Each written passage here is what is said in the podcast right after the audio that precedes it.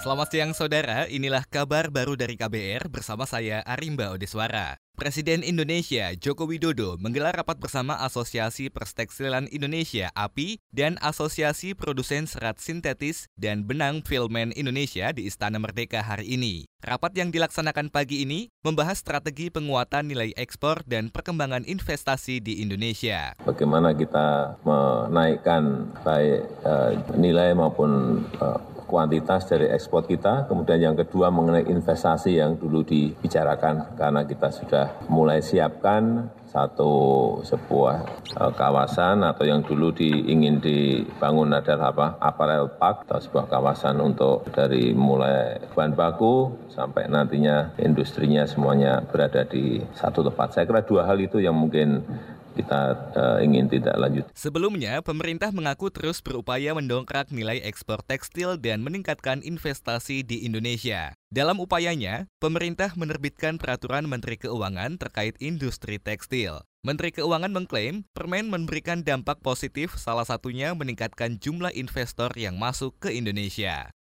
Sementara itu, saudara, Lembaga Bantuan Hukum LBH Masyarakat mengecam sejumlah persyaratan seleksi calon pegawai negeri sipil CPNS 2019 yang dinilai diskriminatif. Persyaratan yang dimaksud antara lain mengharuskan pelamar tidak buta warna, tidak cacat fisik, tidak cacat mental, tidak bertato dan bertindik, serta tidak berorientasi seksual minoritas. Direktur Lembaga Bantuan Hukum LBH Masyarakat, Riki Gunawan menilai, setiap warga negara memiliki hak yang sama di mata hukum untuk mendapatkan perlindungan serta pekerjaan. Syarat-syarat seperti ini kan harusnya sudah tidak sudah tidak relevan lagi kita menilai seseorang dari identitas dirinya, dari dia disabilitas atau tidak, tapi harusnya nilainya kompetensinya, kapasitasnya diuji saja. Mungkin ada posisi-posisi tertentu yang mereka bisa isi daripada harus dihalangi, daripada harus ditutup peluang itu. Lebih lanjut, Riki menyebut tak ada relevansinya orientasi seksual seseorang dengan kemampuannya dalam suatu bidang pekerjaan. Sebelumnya, sejumlah persyaratan yang dinilai diskriminatif ditemukan dalam pendaftaran CPNS. Salah satunya ditemukan dalam formasi kepegawaian di Kejaksaan Agung dan Kementerian Pertahanan.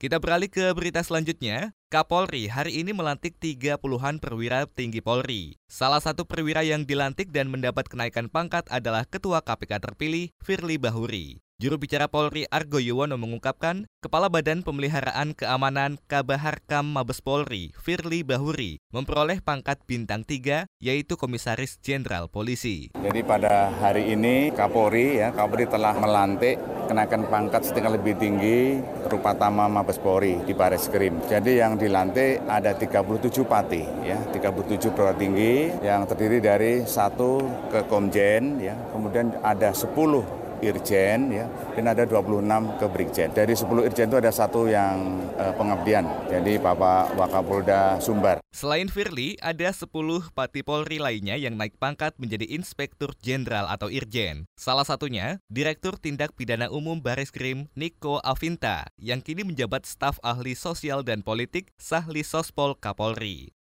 Kita beralih ke mancanegara, pegawai konsulat Inggris di Hong Kong mengaku telah dipukuli polisi rahasia Cina. Selain dipukuli, polisi juga melarangnya untuk tidur dan mengikat sejumlah pegawai konsulat. Pemukulan ini dilakukan saat polisi memburu informasi tentang pegiat yang memimpin aksi protes pro-demokrasi Simon Cheng, warga negara Hong Kong, yang bekerja untuk tim pengembangan bisnis konsulat Inggris menyebut telah berulang kali ditanyai peran para interogatornya yang diduga terlibat menyulut kerusuhan. Sementara itu, Menteri Luar Negeri Inggris Dominic Raab mengecam perlakuan Cina terhadap Cheng yang menurutnya sebuah bentuk penyiksaan. Demikian kabar baru dari KBR, saya Arimba Odeswara.